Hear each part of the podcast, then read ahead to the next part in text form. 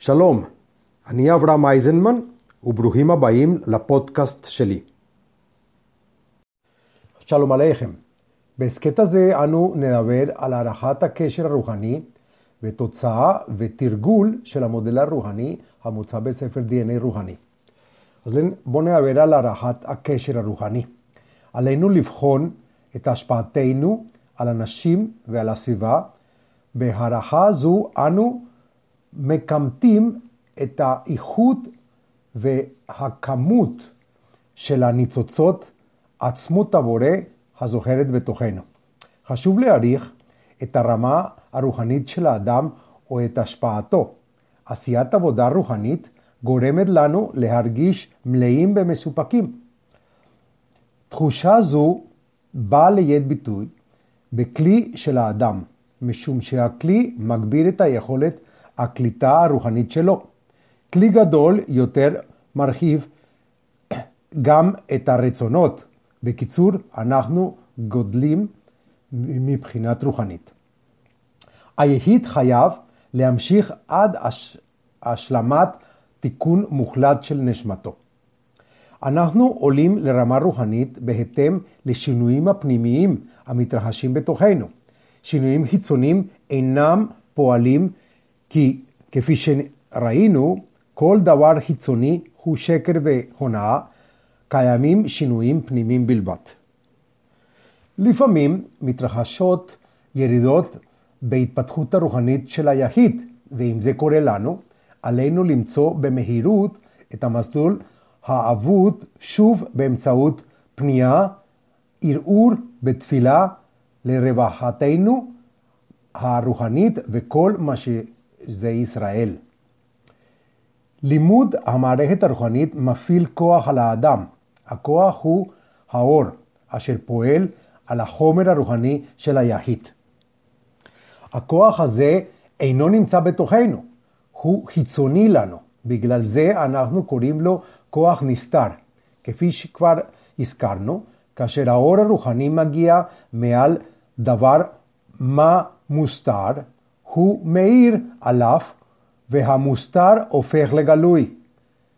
כשמשהו שלא התבטא קודם הופך לברור, פירוש הדבר הוא שעלינו, שעלינו רמה. עכשיו אנחנו יכולים למדוד אותו ולתת לו הערכה.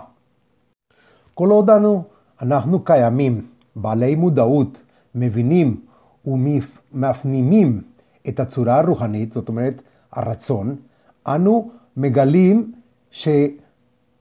שהפעלנו את הבורא בתוכנו, שבא על ידי ביטוי ברצון זה. אנחנו אומרים שהרצון היה סמוי, כי הוא תמיד היה בתוכנו, אבל האור הרוחני טרם האיר עליו. למרבה הצער, לעיתים קרובות אנחנו מחמיצים הזדמנויות רבות לצמיחה רוחנית, בין אם בגלל שאנחנו לא מודעים עליהם באותם הרגעים, לבין בגלל שאנחנו לא מבינים את הצורה הרוחנית החדשה. רצון סמוי מיושם עכשיו, והנשמה שלנו לובשת באמצעותו בגד או לבוש חדש. כאשר אנחנו מחמיצים הזדמנות, אנחנו מתחילים לצבור עיכובים או ירידה בכמות האור הרוחני הדרוש שבתוכנו. במילים אחרות, הרצונות שלנו נשארות רחוקים מלהיות פטורים, ללא האור הרוחני שיכול להאיר אותם, אבל לתת להם לחמוק זה אחר זה, בלי להבין אותם, וכך להתרחק מלזכור כבורא. עיכוב זה, שמצטבר לאורך זמן, מאות או אלפים שנים, מתורגם בייסורים, הפרות, אופוזיציות, מכשולים, הגבלות, צנזורה ומכות. המכות יכולות להיות פסיכולוגיות, כמו למשל בלבול, דיסוזציה, סכיזופרניה וכולי, או פיזיות, כל סוגי מחלות, מכות, מלחמות, אי יציבות חברתית וגם מוות. עכשיו בואו נדבר על התוצאה ותרגול של המודל הרוחני. קיימים שלושה גורמים בסיסיים שיש לזכור כדי להעריך את התוצאה והביטוי של הצמיחה הרוחנית. א', הרמה הרוחנית של האדם, הקבוצה או של בני הזוג. ב', המקבלים או המוטבים הישרים של הפרויקט. וג', הצריכים והרצונות המסופקים באמצעות הפרויקט הרוחני. זו נוסחה המודדת את השפעתנו, המורכבת משלושה גורמים, וכל גורם מכפיל את הבא אחריו ומניב תוצאה. הבורא שהוא אחד יחיד ובלתי משתנה, הינו בעל השפעה מקסימלית. תוצאה המקסימלית תמונה בו, ואני אומר זאת בלשון המעטה. עכשיו בואו נדבר על הרמה הרוחנית. כשאני אומר רמה רוחנית, אני מתכוון לזו של האדם, זוג או קבוצה. לכל אישות יש כלי רוחני. גודלו של הכלי הוא הרמה הרוחנית. השגת התקדמות רוחנית אינה מספיקה כדי לשמור עליה. היא מושגת כתוצאה מיחסים רוחניים בינינו לבין אדם אחר או אנשים אחרים, והיא צריכה להיות מתמשכת וקבוע. למרות שאנו חווים עליות וירידות קטנות, נמשיך להיות מודעים לכך שהגענו לעולם חדש עם אוסף של פרטים ועוצמה בכל רגע שבעבר לא נעצרנו לחוות. יכול להיות מצב שלמרות היותנו מעורבים באופן מלא בפעילויות ופיתוח של מערכת הרוחנית של בנו, אנחנו עלולים לעשות משהו שיגרום לנו לאבד את הרמה שהשגנו. אנחנו נבחין בהבדל בבירור. מניסיון אישי, אני יכול לומר שהחזרה לרמה גבוהה יותר, שכבר היינו בה, מתרחשת מהר יותר מאשר ההגעה לרמה זו בפעם הראשונה. תיקון זה דורש התבוננות פנימית בתוך עצמנו. זה חיוני לזהות את הפעולה או את המעשה שלדברנו הפחיתה את הכושר הבירור וההשפעה שלנו. אחרי שהירידה מופנמת, נוכל במהירות לשחזר את הרמה הקודמת.